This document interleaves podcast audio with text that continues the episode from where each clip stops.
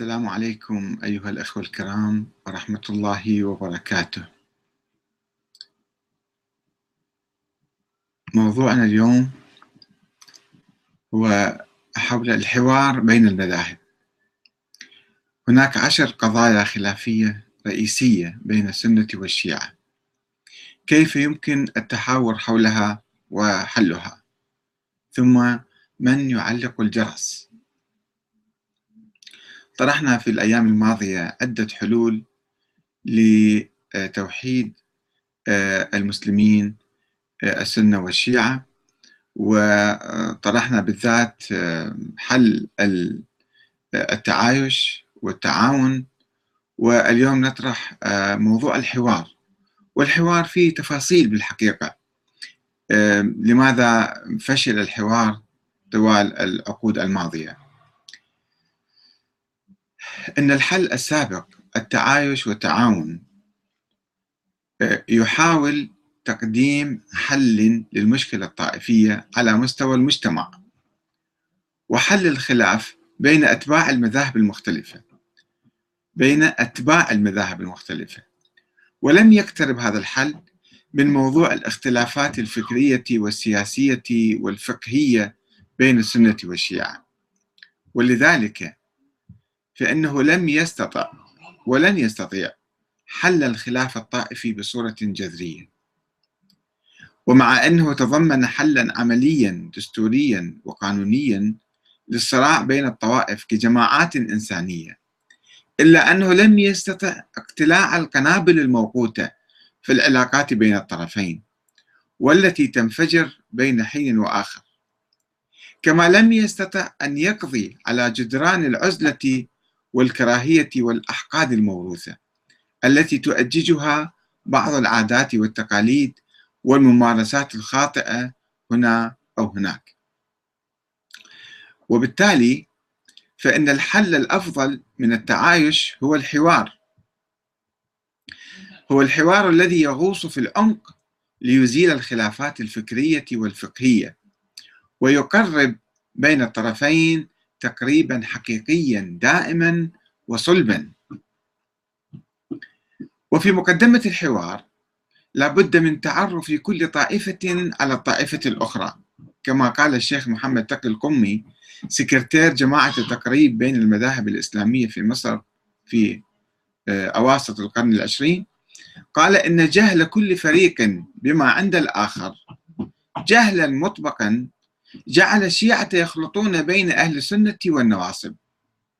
وجعل أهل السنة يخلطون بين الشيعة والغلاة والرافضة مثلا. وقبل أن نقوم باستعراض الخطوات الجادة التي بذلت وتبذل في هذا المجال لابد أن نشير إلى ضرورة تكوين الصورة الواعية العلمية الدقيقة عن النفس وعن الآخرين.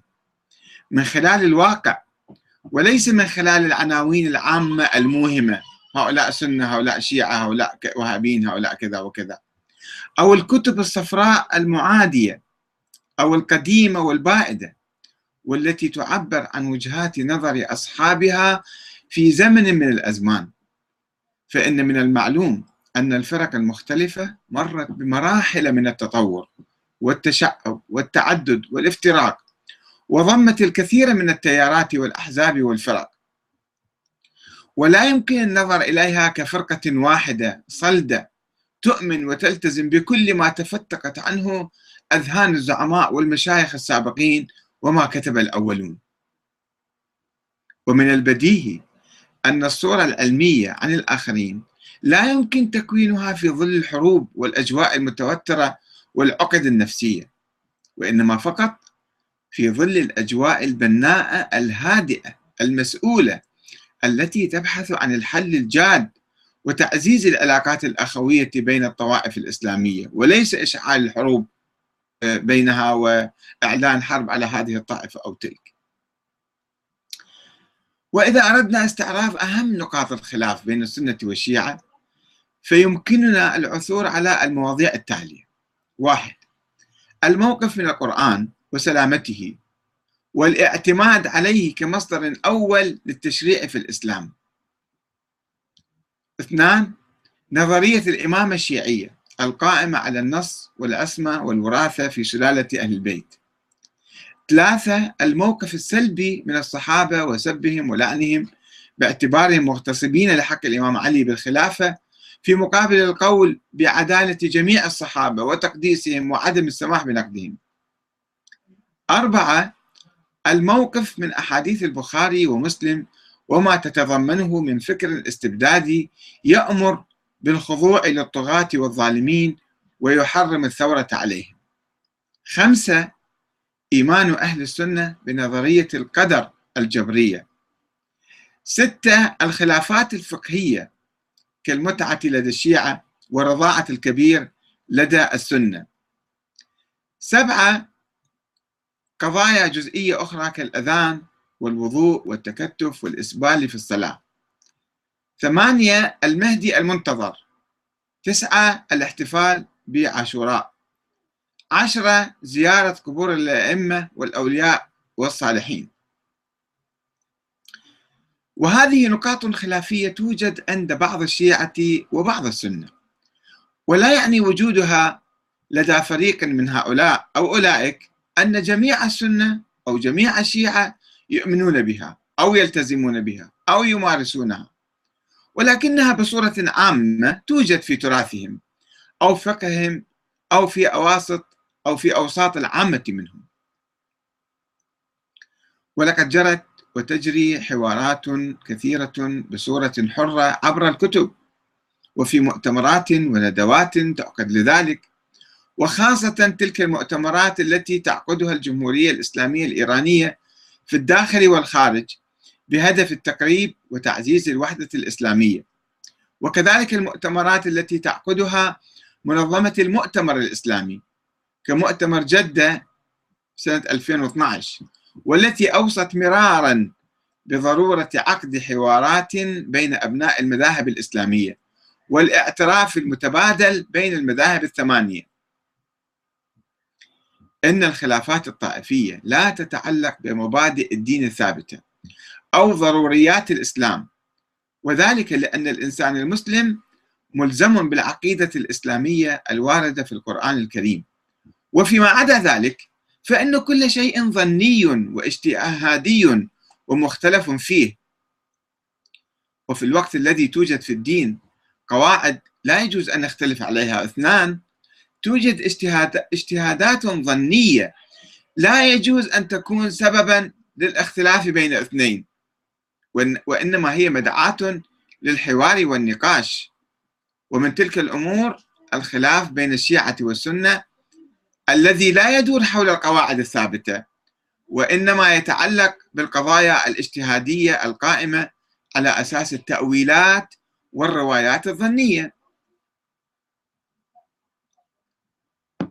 اولا الموقف من القرآن الكريم. من القضايا الخلافية المهمة التي تثار ضد الشيعة هو موضوع الموقف من سلامة القرآن الكريم وذلك باتهام الشيعة بالتشكيك به ورواية قراءات مختلفة عن النسخة المشهورة تصب في مصلحة نظرية الإمامة الإلهية لأهل البيت. وهي روايات موجودة في الكافي للكليني الذي يعتبر من أهم مصادر الشيعة الإمامية الروائية. وفي كتب أخرى صدرت في القرن الرابع الهجري وأعاد تجميعها الأخباري المرزا حسين النوري الطبرسي. آه، آه، في القرن الماضي ونشرها تحت عنوان فصل الخطاب في إثبات تحريف كتاب رب الأرباب في سنة 1292 هجرية. ورغم أن الكتاب قوبل باستنكار كبير من الشيعة أنفسهم وأجبر المؤلف على سحب كتابه من الأسواق وأعلنوا رفضهم لرواياته الضعيفة وتمسكهم بسلامة القرآن وإعلان إجماعهم على ذلك إلا أن بعض المتصيدين في الماء العكر والرافضين أساسا لأي تقارب بين السنة والشيعة. من السلفيين والوهابيين دأبوا على طرح موضوع القرآن ومطالبة الشيعة بإعلان موقفهم من سلامته بين فترة وأخرى. كما فعل محي الدين الخطيب في كتابه الخطوط العريضة وناصر القفاري في كتابه مسألة التقريب. لذلك ومن أجل حسم الخلاف بين السنة والشيعة فقد اقترح الشيخ محمد الغزالي في مقال له عقد مؤتمر حول القرآن كتابا مصونا خالدا. وقد لاقت الفكرة ترحيبا من قبل العالم الشيعي محمد حسين فضل الله بينما رفضها رئيس المجلس الأعلى الشيعي الأعلى في لبنان محمد مهدي شمس الدين. قائلا لا حاجة لعقد مثل ذلك المؤتمر لأن ذلك بديهي ومعروف بل إنه قد يفتح بابا من أبواب الريب في تاريخنا.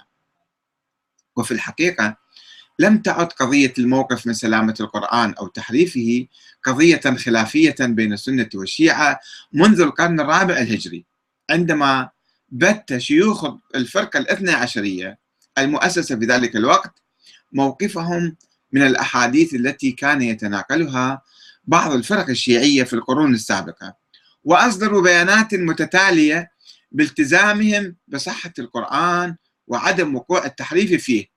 ما عدا الأخباريين هم غير الأصوليين. الأصوليين الذين يشكلون الغالبية العظمى من الشيعة. الذين ظلوا يكررون تلك الأحاديث الأخباريين ظلوا يكررون تلك الأحاديث دون بحث في سندها. وإذا كان لابد من وقفة حول القرآن في الحوار بين السنة والشيعة فإنه لابد من الحوار حول مسألة هذا الأصل المهم حول مسألة هيمنة القرآن على الحديث أو هيمنة الحديث على القرآن. وهو ما ذهب إليه الحنابلة وكثير من أهل السنة الذين ألغوا عمليا كثيرا من آيات القرآن كآيات القسط والعدل التي جمدوها بالنسبة للحكام بناء على أحاديث تأمر بطاعة الحاكم الظالم وسوف نستعرضها في الصفحات التالية. اثنان نظرية الإمامة. أن الإيمان بوجود النص الصريح على الإمام علي بالخلافة في الثقافة الشيعية شكل ويشكل أزمة في العلاقات بين السنة والشيعة. وذلك لما له من تداعيات سلبية على الموقف من كبار الصحابة كأبي بكر وعمر وعثمان. وكما يقول الشيخ شمس الدين رحمة الله عليه فإن اللازم الأعظم لعقيدة الشيعة الإمامية في الإمامة كما عرضها علم الكلام القائم الآن هو بطلان التاريخ الذي وقع خارج شرعية الإمامة منذ أبي بكر إلى آخر السلطان هذا التلازم أو اللازم يقتضي كون الموقع التنظيمي السياسي للسنة كلهم خارج الشرعية السياسية عند الشيعة.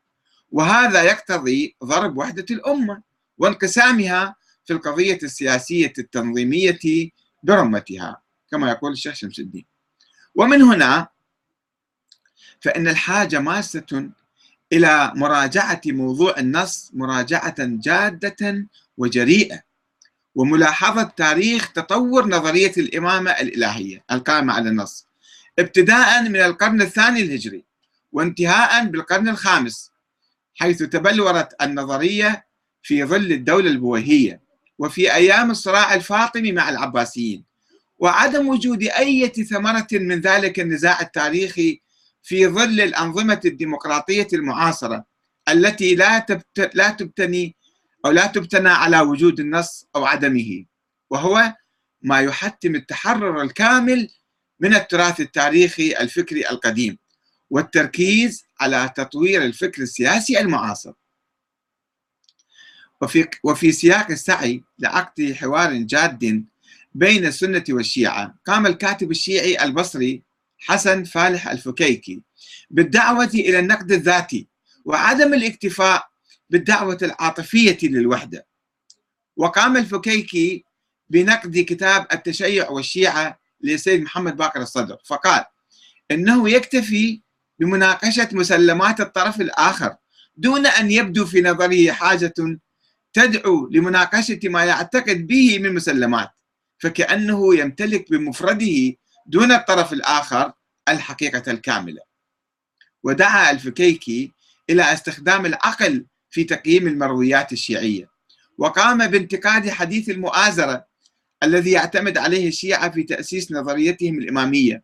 وقام أيضا بإعادة قراءة حديث الغدير قراءة شخصية لا سياسية دينية. واستشهد بموقف الأنصار الذين لم يكونوا يعرفون المعنى السياسي منهم. وبغض النظر عن ثمار نظرية الإمامة الفقهية فإن الحوار حول الموضوع يبدو عقيما وبدون معنى حيوي في الوقت الراهن. وذلك لعدم وجود الأئمة من أهل البيت المنصوص عليهم من الله منذ أكثر من ألف عام. ثلاثة الموقف من الصحابة والحديث. يشكل الموقف من الصحابة نقطة خلاف كبيرة وأزمة في العلاقات بين السنة والشيعة. ففي حين يقدسهم الأولون السنة يشكك بهم الآخرون وقد يتخذون منهم أو من كبارهم مواقف سلبية عنيفة بناء على الاعتقاد باغتصابهم الخلافة من الإمام علي أو نسبة أمور تاريخية إليهم كالهجوم على بيت الزهراء وإسقاطها وإسقاط جنينها وما إلى ذلك. وبالرغم من عدم وجود مبرر لتكفير أي مسلم على أساس موقفه من أي شخص سواء كان صحابيا أو غير صحابي.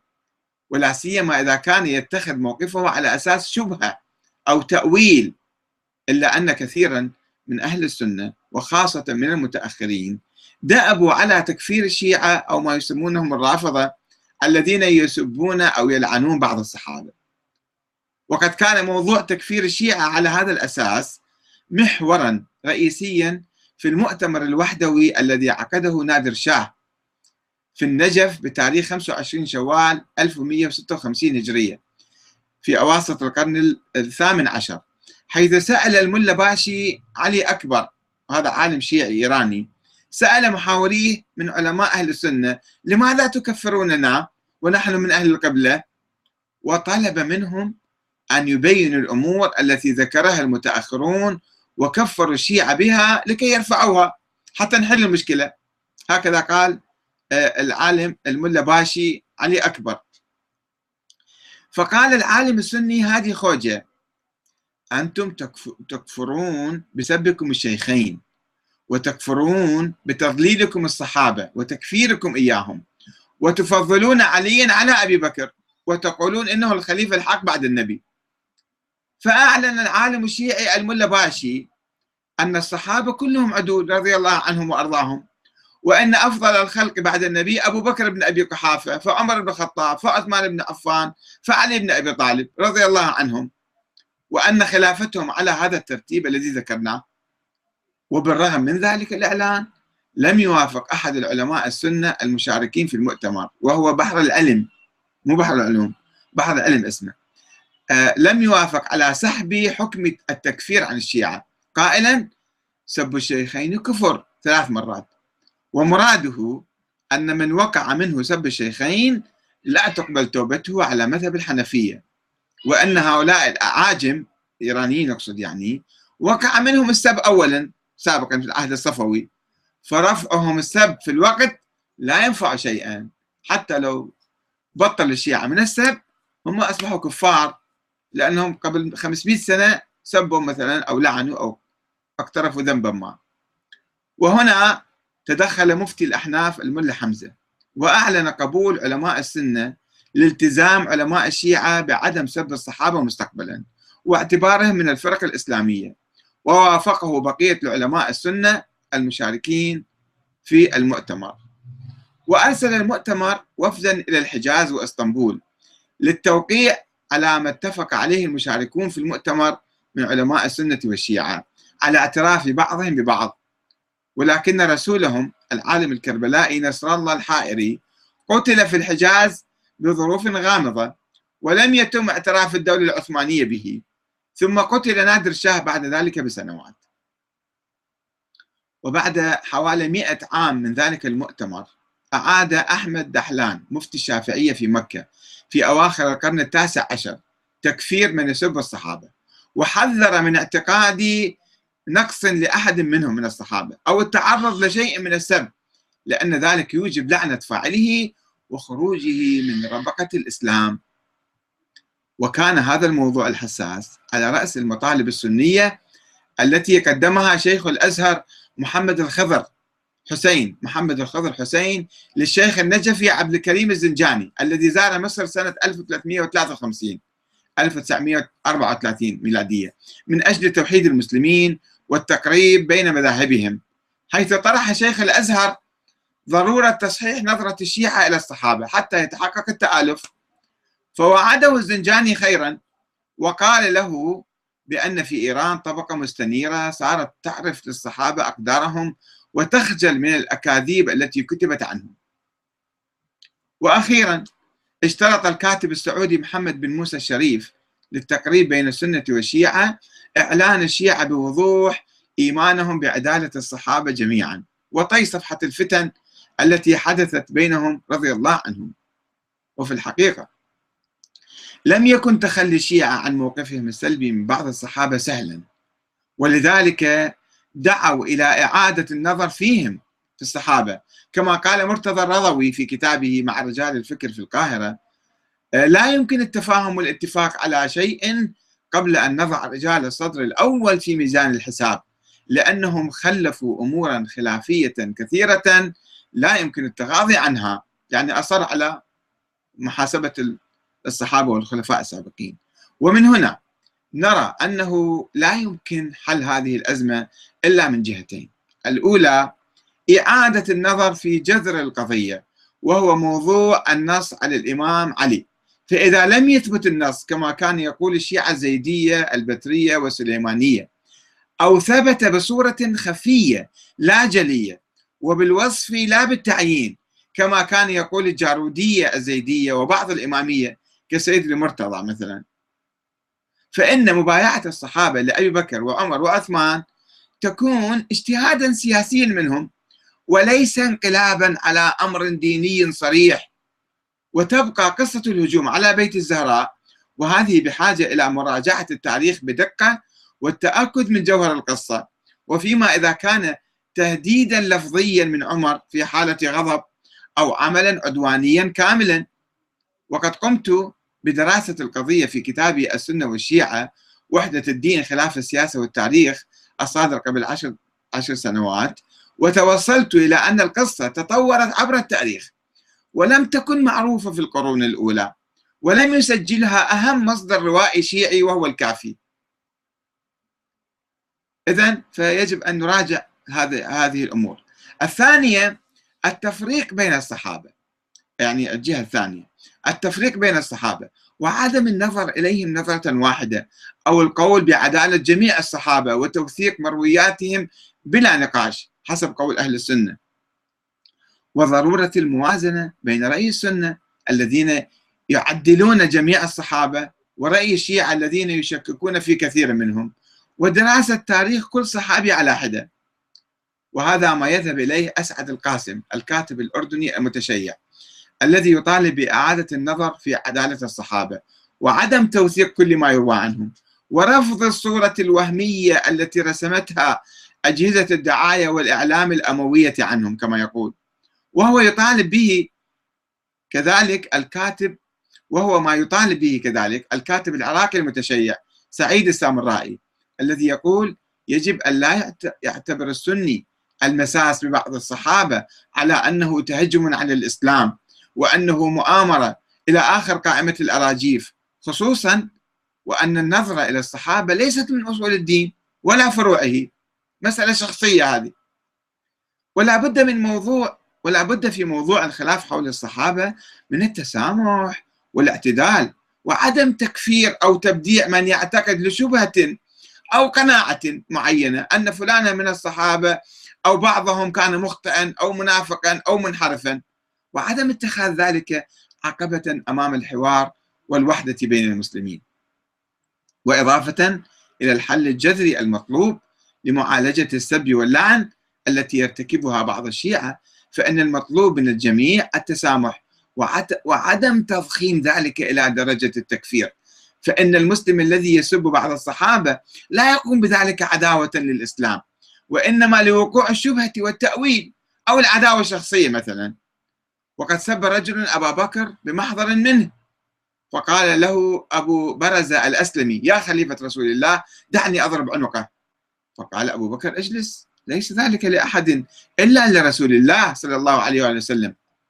ورفض الإمام علي ابن أبي طالب تكفير الخوارج الذين كفروه ولم يقاتلهم إلا بعد أن قتلوا رجلا من المسلمين.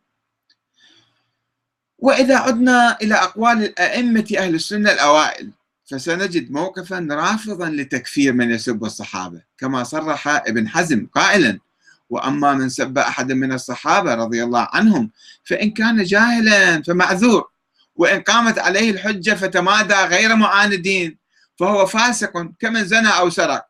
وإن عاند الله تعالى في ذلك ورسوله صلى الله عليه وآله وسلم فهو كافر. إذا كان يفرق بين اللي عنده شبهة أو بين واحد يسب الصحابة لأنه يريد يسب الإسلام مثلا. آه، أربعة. موضوع الخلاف الرابع بين السنة والشيعة الفكر السياسي. ينظر الشيعة إلى الآثار السياسية التي ترتبت على تقديس الصحابة ويرفضون اعتبار عملهم وما رضوا به سنة شرعية بعد كتاب الله وسنة نبيه. وخاصة استخلاف ومبايعة أئمة جهلة أو فاسقين. وعدم اشتراط العدالة العدالة في حكام المسلمين والاعتراف بشرعية الخلفاء غير الراشدين. دعنا من الخلفاء الراشدين. هناك خلفاء غير راشدين كانوا يشربون الخمر ويرتكبون الحرامات فلماذا نعترف بهؤلاء؟ الشيعة يقولون يجب أن ننظر إلى هذه المسائل ويستنكرون بالخصوص أقوال مثل ابن تيمية أن يزيد رغم ما فيه من ظلم وقتل وفعل ما فعل يوم الحرة فإنه لا يجوز الخروج عليه لأن من لم يكن مطيعا لولاة الأمور مات ميتة جاهلية. هذا كلام ابن تيمية. الشيعة يستنكرون هذا الكلام وذلك بناء على أحاديث يقول ابن تيمية هذا الرأي مالته اللي مسوي فتوى حتى على يزيد حرام تخرج بناء على أحاديث وردت في صحاح أهل السنة. مثل من رأى من أميره شيئا يكرهه فليصبر فإنه من فارق الجماعة شبرا فمات فميتته جاهلية. وحديث حذيف بن اليمان قال رسول الله يكون بعدي أئمة لا يهتدون بهداي ولا يستنون بسنتي وسيقوم فيهم رجال قلوبهم كقلوب الشياطين في جثمان إنس. قلت كيف أصنع يا رسول الله إن أدركت ذلك؟ قال تسمع وتطع للأمير وإن ضرب ظهرك وأخذ مالك فاسمع وأطع. وحديث عبد الله بن مسعود قال سلمان الجعفي يا نبي الله أرأيت إن قامت علينا أمراء يسألوننا حقهم ويمنعوننا حقنا فما تأمرنا؟ فقال اسمعوا وأطيعوا فإنما عليهم ما حملوا وعليكم ما حملتم. وقال رسول الله صلى الله عليه وسلم ستكون بعدي أثرة وأمور تنكرونها. قالوا يا رسول الله كيف تأمر من أدرك منا ذلك؟ قال تؤدون الحق الذي عليكم وتسألون الله الذي لكم. وحديث أم سلمة ستكون بعدي أمراء عليكم فتعرفون وتنكرون. فمن عرف برئ ومن أنكر سلم. قالوا أفلا نقاتلهم؟ قال لا ما صلوا.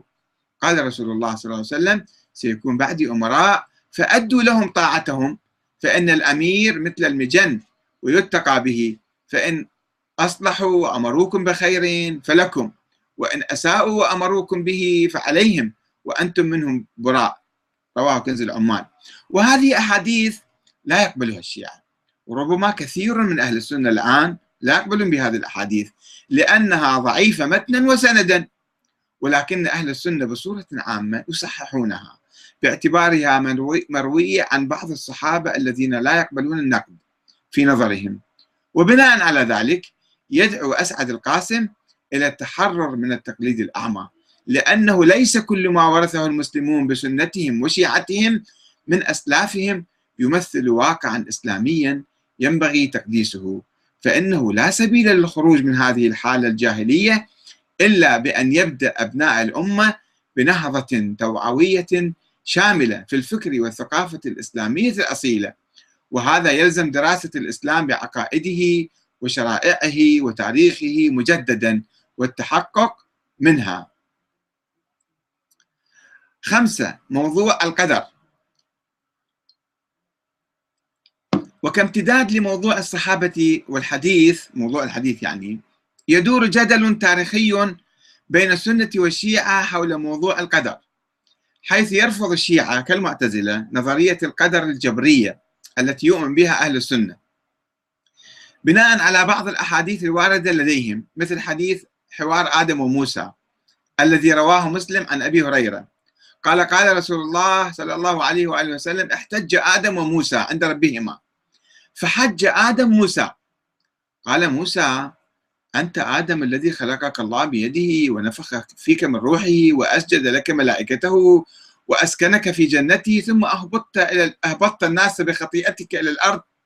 يعني يلوم آدم. فقال آدم أنت موسى الذي اصطفاك برسالته وبكلامه وأعطاك الألواح فيها تبيان كل شيء وقربك نجيا فبكم وجدت الله؟ كتب التوراة قبل أن أخلق. فبكم وجدت الله؟ كتب التوراة قبل أن أخلق. قال موسى بأربعين عاما. قال آدم فهل وجدت فيها وعصى آدم ربه فغوى؟ قال نعم. قال أفتلومني؟ أفتلومني؟ على أن عملت عملا كتبه الله علي أن أعمله قبل أن يخلقني بأربعين سنة. قال رسول الله صلى الله عليه وسلم فحج آدم موسى.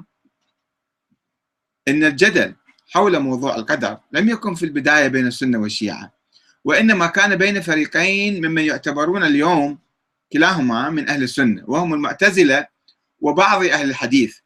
ولم يبقى محصورا بين السنة والشيعة وإنما ساهم فيه بعض علماء أهل السنة كالشيخ محمد الغزالي الذي اعتبر القدرية الجبرية من عوامل الانحطاط والاستبداد وسببا من أسباب إفساد الفكر الإسلامي وانهيار الحضارة والمجتمع. وقال جاءت في القدر أحاديث كثيرة نرى أنها بحاجة إلى دراسة جادة حتى يبرأ المسلمون من الهزائم النفسية والاجتماعية التي أصابتهم قديما وحديثا. النقطة السادسة المسائل الفقهية. كزواج المتعة المؤقت عند الشيعة ورضاعة الكبير عند السنة. رغم ضآلة وعدم أهمية الاختلاف بين السنة والشيعة في المسائل الفقهية بصورة عامة إلا في مسائل معدودة كالموقف من حكم الظالم والزواج المؤقت ورضاع الكبير.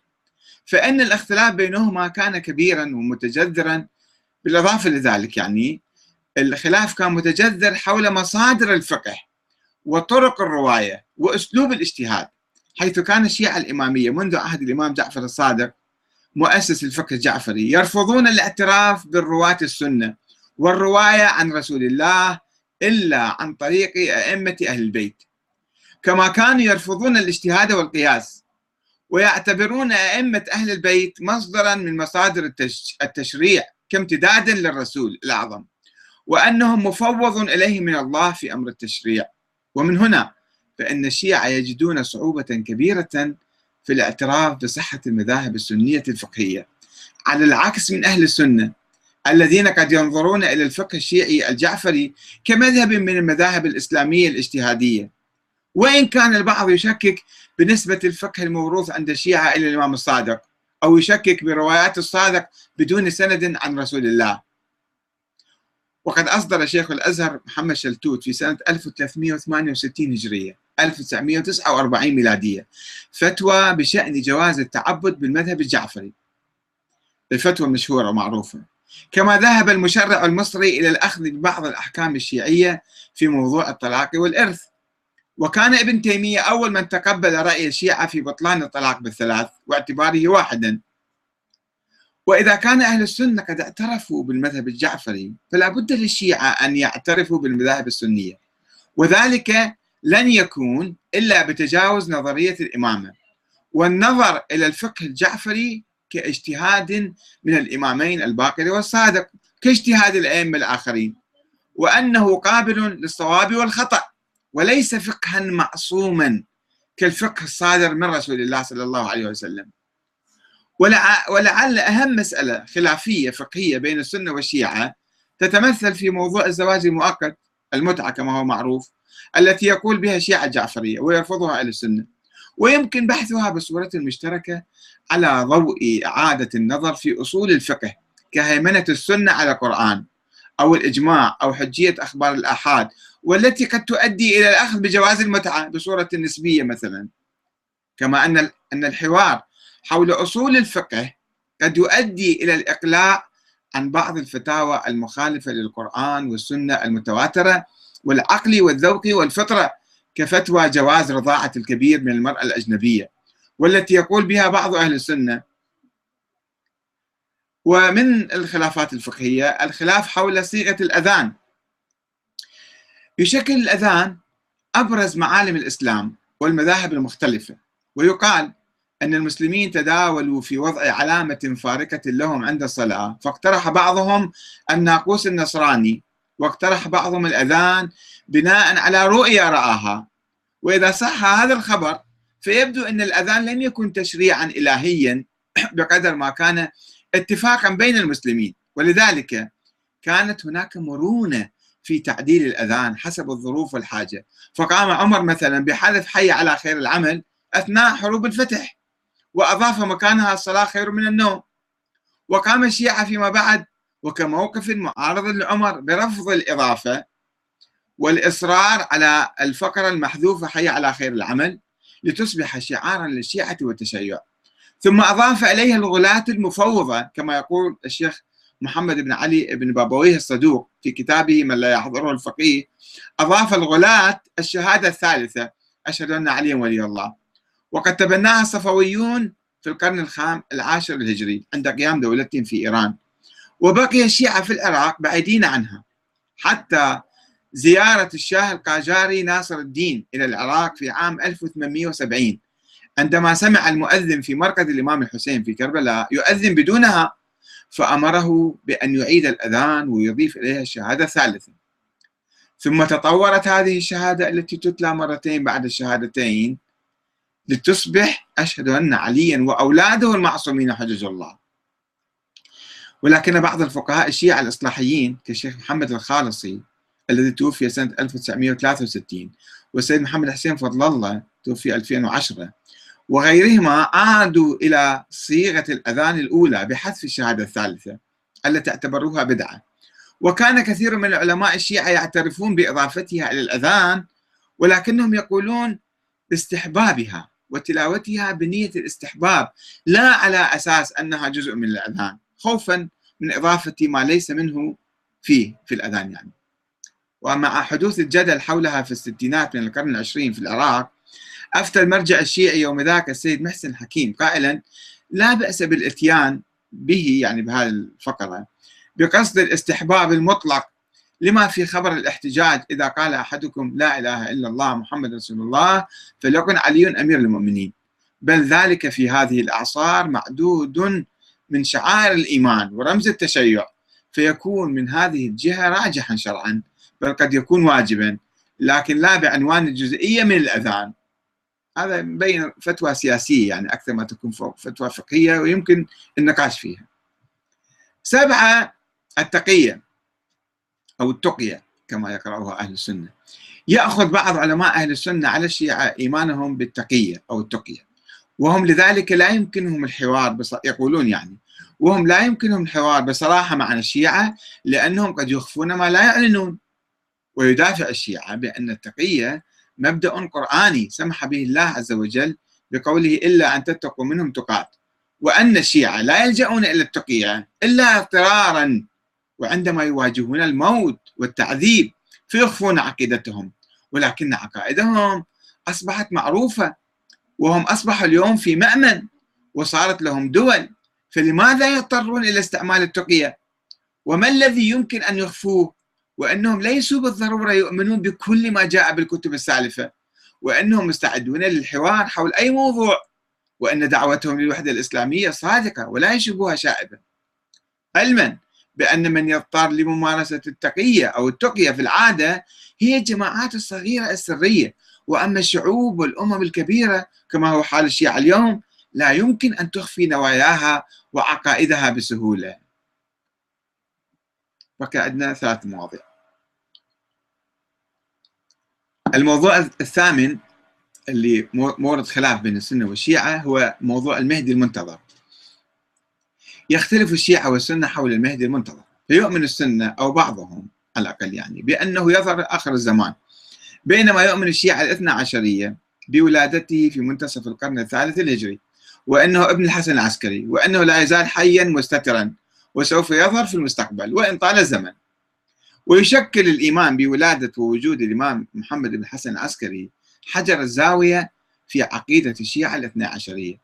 إذ أن الاعتراف بعدم ولادته يؤدي إلى انقطاع الإمامة وانهيارها وسواء كانت نظرية خروج المهدي في آخر الزمان صحيحة أم لا وسواء كان قد ولد محمد بن حسن العسكري أم لا. فإن السنة والشيعة قد يتفقون على فكرة خروج إمام عادل يحارب الظلم والجور يعني رئيس أو قائد أو زعيم في كل زمان ومكان وهو ما يضفي عليه صفة إنسانية ثورية. وليس بالضرورة أن يكون شخصا معينا مكلفا من السماء يمكن يعني الاتفاق على صيغة جديدة بين الشيعة والسنة. تسعة عاشوراء وزيارة الحسين. من القضايا الخلافية المهمة بين السنة والشيعة الاحتفال بيوم عاشوراء يوم مقتل الإمام حسين في كربلاء سنة 61 للهجرة. احتفال بمقتله كل عام وزيارة قبره في كربلاء في عدة مناسبات. وقد كان أئمة أهل البيت يحثون شيعتهم على زيارة قبر الحسين كما يروى عن الإمام جعفر الصادق أنه قال زيارة الحسين عليه السلام واجبة على كل من يقر للحسين بالإمامة من الله عز وجل. وقد شعر المتوكل العباسي الذي أيد أهل السنة بالانزعاج من زيارة الشيعة لمرقد الإمام الحسين فأصدر أمرا بمنع ذلك ومعاقبة من يقوم بزيارة كربلاء كما أمر بهدم قبر الحسين سنة 236 للهجرة. وهدم ما حوله من منازل وأن يحرث ويبذر ويمنع الناس من إتيانه. وأن صاحب الشرطة نادى في الناحية من وجدناه عندنا قبر من وجدناه عند قبره بعد ثلاثة يعني بعد ثلاثة أيام بعثنا به إلى المطبق إلى السجن يعني. فهرب الناس وامتنعوا من المصير إليه وحرث ذلك الموضع وزرع ما حواليه. إلا فئة قليلة من الشيعة. إن الشيعة أصروا ويصرون على إحياء ذكرى عاشوراء. أكثر مما أصروا ويصرون على إحياء يوم الغدير. كموقف مبدئي ضد الظلم وضد سيطرة يزيد على السلطة بالقوة وهو ما يؤمن به كثير من أهل السنة حتى اليوم. ولأن الفكر السياسي السني يشكل امتدادا للفكر الأموي ويجيز الاستيلاء على السلطة بالقوة ويحرم الثورة فإنه يدين حركة الإمام الحسين. ويمتعض من الاحتفال بذكراه. وهذا أبو حامد الغزالي يقول في كتابه إحياء علوم الدين يحرم على الواعظ وغيره رواية مقتل الحسين وحكاياته وما جرى بين الصحابة والتشاجر والتخاصم فإنه يهيج على بعض الصحابة والطعن فيهم وهم أعلام الجيل. كما ينقل رأيه أو قوله هذا ابن حجر المكي في الصواعق المحرقة صفحة 223 وقد اشترط الكاتب السعودي محمد بن موسى الشريف للتقارب مع الشيعة. الكف عن نفس الماضي وإثارة الأحقاد والأحزان باسم الحسين رضي الله عنه وجعل ذلك فاصلا في العلاقة بين السنة والشيعة. إما أن توقفوا احتفالاتكم بعاشوراء أو لا وحدة بيننا. طبعا هذا موقع حجة يعني يلقى له حجة بهالموضوع هذا. ولا بد أن يكون الحوار مع الشيعة حول قيامهم بمراسم عاشوراء. هذا محمد بن موسى الشريف يواصل. سوف يدفعهم إلى ترك إقامتها. يقول إذا بدأنا حوار نبدأ حول هالموضوع حتى يتوقفون؟ ولذلك لابد أن يغير السنة موقفهم. آه، آه، ولا يبدو عفوا ولا هذا كلامي أنا. ولا يبدو أن الحوار مع الشيعة حول قيامهم بمراسم عاشوراء سوف يدفعهم إلى ترك إقامتها لأن أصبح حالة جماهيرية لا يستطيع أي مرجع وأي عالم وأي حزب أن يوقفها. ولذلك لابد أن يغير السنة موقفهم أو يتسامحوا على الأقل إزاءها. كما تسامح العثمانيون إذا لم يفضلوا الاشتراك في إقامتها كما يفعل البعض منهم. بعض من السنة يشارك حتى في مراسم عاشوراء باعتبارها قضية إنسانية عالمية للتنديد بالظالمين ونصرة المظلومين في كل مكان. وفي نفس الوقت لابد من تجذيب وتهذيب طقوس عاشوراء من قبل الشيعة وعدم التطرف بتحميل جميع السنة مسؤولية مزدرة كربلاء والسنة ما كانوا موجودين ذيك الأيام أصلا. وأخيرا آه، الموضوع العاشر هو زيارة قبور الأئمة والأولياء الصالحين. وهذا موضوع خلافي كبير بين المسلمين وليس بين السنة والشيعة وإنما بالخصوص بين أتباع محمد بن عبد الوهاب وعامة المسلمين حيث يتهم الوهابيون من يزور القبور ويعظمها أو يطلب الشفاعة والحوائج من الأموات حتى لو كان رسول الله الميت يعني يصفونه بالشرك الأعظم المخرج من الملة ومخالفة التوحيد ويعتبرون ذلك نوعا من العبادة المنهي عنها في الإسلام. وحسب ما يقول القاضي الإيراني المتأثر بالوهابية أحمد كسروي في منتصف القرن العشرين قتل سنة 1945 يقول ليست زيارة القبب والتوسل بالموتى ونذر النذور للقبور وأمثالها إلا الشرك. ولا فرق بين هذه وبين عبادة الأوثان التي كانت جارية بين المشركين من العرب فقام الإسلام يجادلها ويبغي قلع جذورها قال ذلك في كتابه الشيعة والتشيع أو التشيع والشيعة صفحة 144 ولكن علماء الشيعة يقولون بأن زيارة القبور مستحبة في الإسلام. وبالخصوص زيارة الإمام الحسين لأنها تحمل معاني الولاء لأهل البيت في مقابل الظالمين والطغاة. وأن طلب الحوائج من الأموات لا يقوم به إلا الجهلة. وأن رفض ممارسات الجهال لا تعني منع زيارة الأئمة والسلام عليهم والدعاء عند قبورهم وطلب الحوائج من الله. تماما كما يفعل عامة الشيعة عند قبر رسول الله صلى الله عليه وآله وسلم. وهذا ما يفتح بابا للحوار بين الشيعة أو عامة المسلمين وبين الوهابية. بعدم تكفير زوار قبور الأئمة واتهامهم بالشرك والفصل بين الزيارة وبين بعض الممارسات الخاطئة كالتوسل